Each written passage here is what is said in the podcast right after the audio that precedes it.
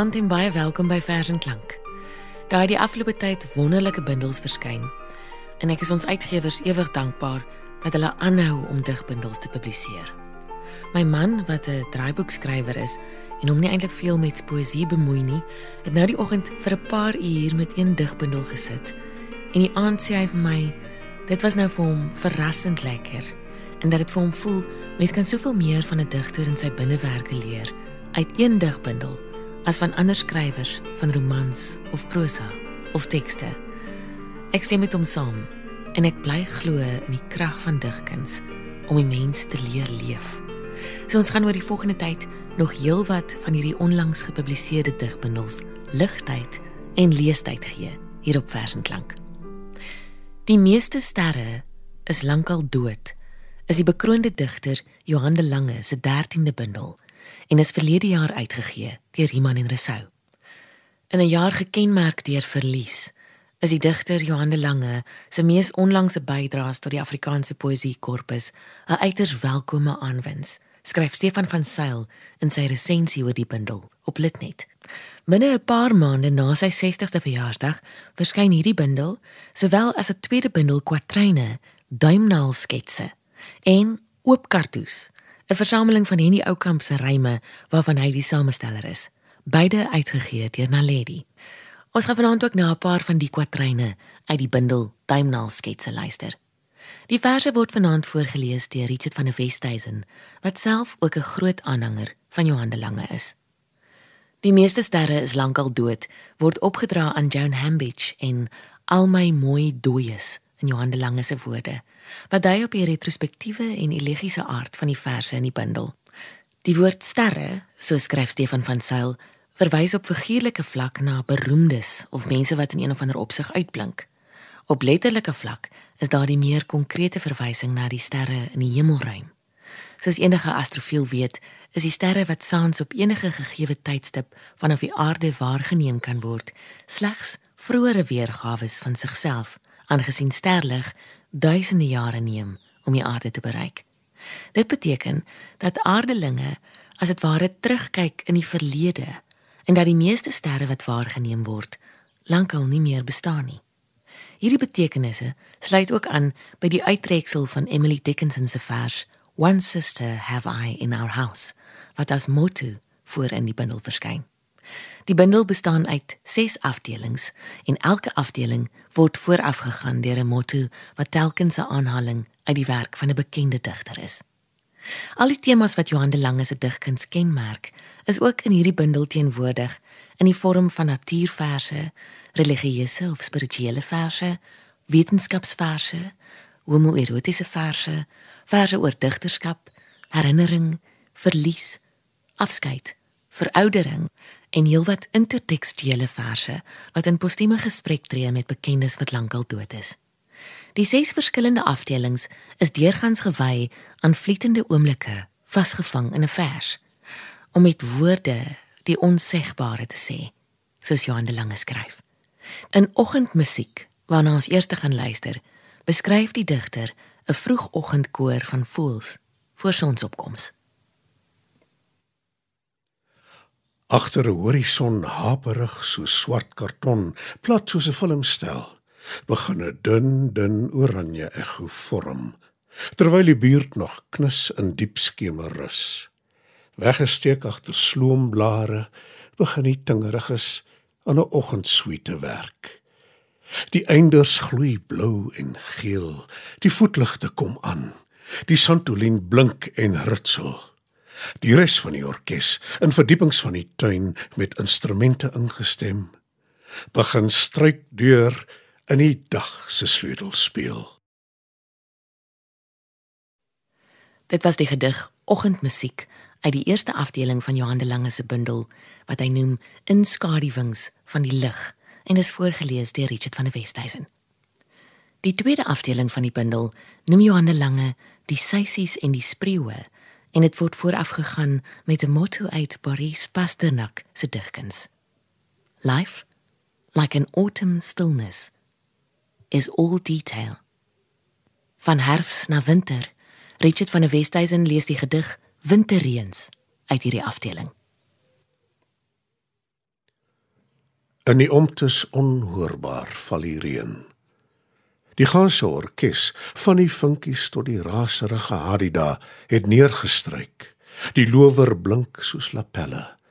En dan, asof 'n onsigbare dirigent instap en gil buig, bars met eens soos harde applous die storm op die bure se sinkdak los.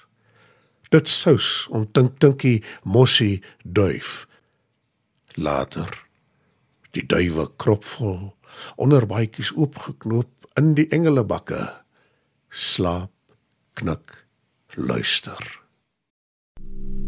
Jy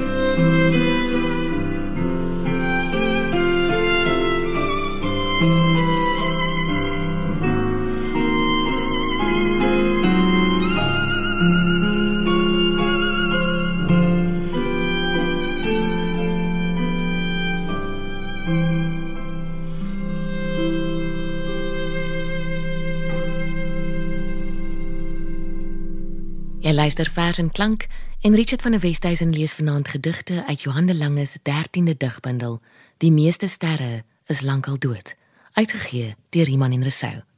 Die volgende gedig waarna ons gaan luister is getiteld Seester.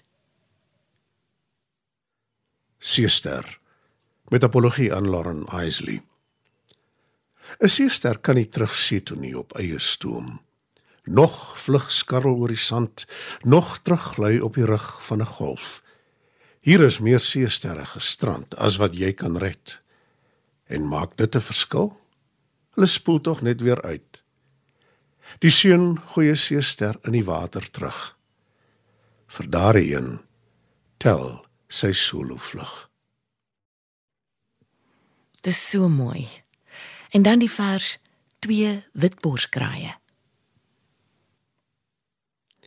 Twee kraaie met wit krae en beffies sit aan by die randsteen in Bolandweg, reg vir 'n maal. Muis met maier kroket en 'n kraakvars plaaskriek vir nagereg. Hulle dans 'n reel 'n paar maal om die maal en mekaar om te besluit wie die hoofdes die eerste degensteek mag gee. Age before beauty, gee die batteryenbes en staan true. Die ouer een trap so 'n Kaapse draai om al die oordaat krink sy nek en luister. Is dit die 12 uur kanon wat ek net 'n dwarreling van vere teen 60 myl die uur. Met sy tafelgenoot en sy maai sit die jong kraai aan vir 'n driegangmaal vir een. Muis met meier, kraakvars plaaskriek, kraai spatchcock style en nog pink aan die been. Ons gaan aan die einde van die program luister na 'n paar kwatryne uit Johan de Lange se bundel kwatryne. Maar hy het ook enkeles ingesluit in hierdie bundel. Een daarvan noem hy Tafelreël. Tafelreël. Bome laat hulle blare gaan. Winters kom tot 90 keer of meer om ons voor te berei en ons van onthegting te leer.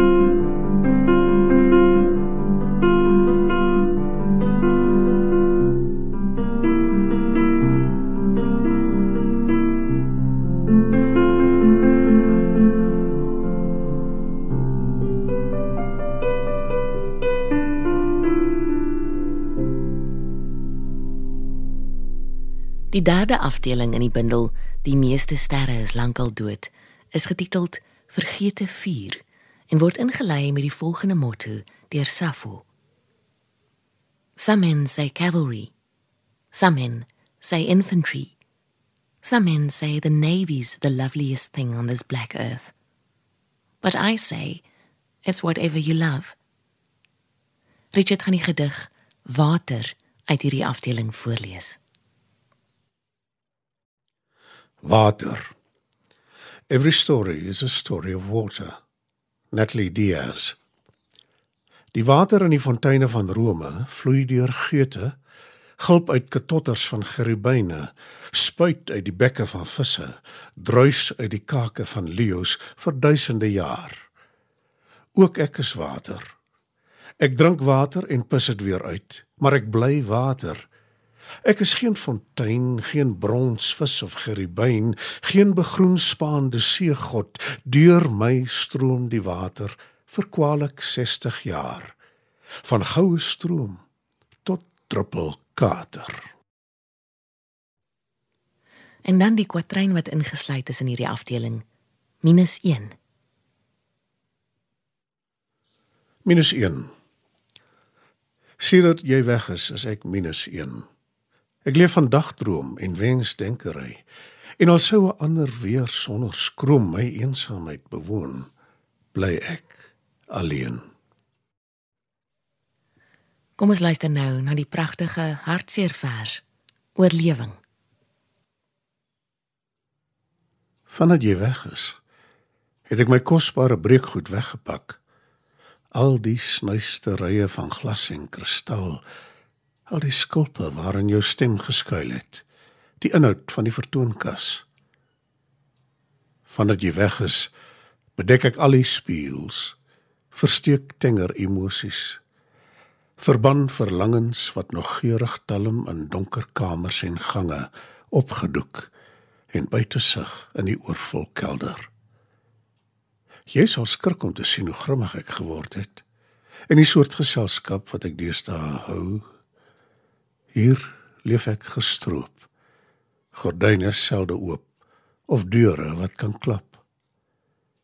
Niks kosbaars oor om te steel as smart. Niks wat kan breek nie soos 'n hart.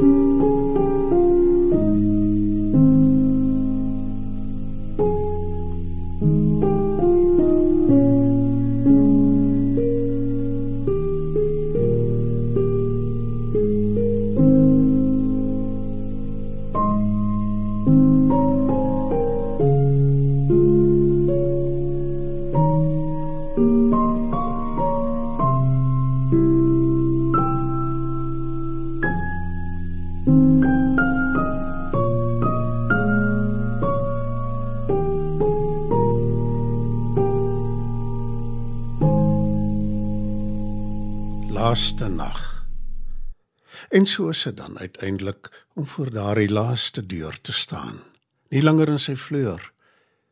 Sy oë kam die reeds gemeende skadu's van die vertrek, die blink waterglas waardeur 'n kuur lig hink, die vaasblomme, die notaboek. Nie vir ingewings, maar laaste woorde, 'n skor groet. Naggeluide. 'n Kriekmonitor die nag se hartklop. Hy bly soek na sekerte, maar alles weifel. Hy vind alleen die buitelyne van die twyfel. 'n Lewe aan woorde toegewy om die ongeruimde te beruim, om tussen ander ook sy klein klein af te steek. Sy beeste in die soet gras te laat wy, sy ploegskaar deur jong grond te laat sny en in die laatnag 'n laaste wêreld neer te pen. Dit was dan die vers Laaste nag deur Johan de Lange uit sy 13de digbundel Die meeste sterre is lankal dood, verlede jaar uitgegee deur Iman en Resou. Ons gaan die aand afsluit met vier kwatryne uit nog 'n onlangse bundel deur Johan de Lange. Dis getiteld Duimnaal sketse en uitgegee deur Naledi. Richard van der Westhuizen begin met Wys my die plek. Laat my laaste teug tog wees, genote. Laat my onbegraaf in ligte laaie niks agterlaat. Geen aardse las vir nagelate geliefdes nie, geen marmer epitaaf. Geen plek om te besoek met blomme, geen pakhuis pas. Volgende aan die beurt, die kwatryn Deurtog. Deurtog, 'n dagdroom. Tydlose korrels ons wat deur 'n uurglas val. Ons deurtog is pynlik, maar die deurtog is al. En een van my gunstelinge, 'n doodshemp het nie sakke nie. 'n Doodshemp het nie sakke nie. Dis 'n slaaphemp sonder slaap. Daar's niks wat jy saam kan vat om jou heenreis ligter te maak. Die laaste kwatryn uit Duimnaal sketse uitgegee deur Naledi. Variasie op 'n idee. Variasie op 'n idee vir Johan Ludwig Maree. Beethoven se 9de laat my nadink. Ons moet kies vir die vreugde as net een van baie deugde nodig vir oorlewing en dit indrink.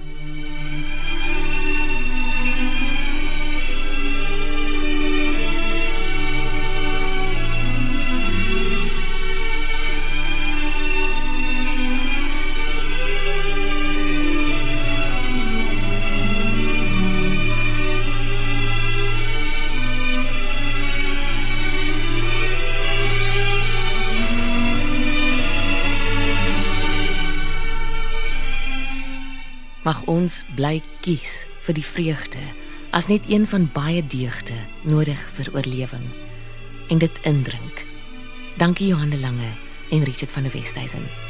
Van my, Frida en ons musiekregisseur Herman Stein. 'n Mooi aand vir jou.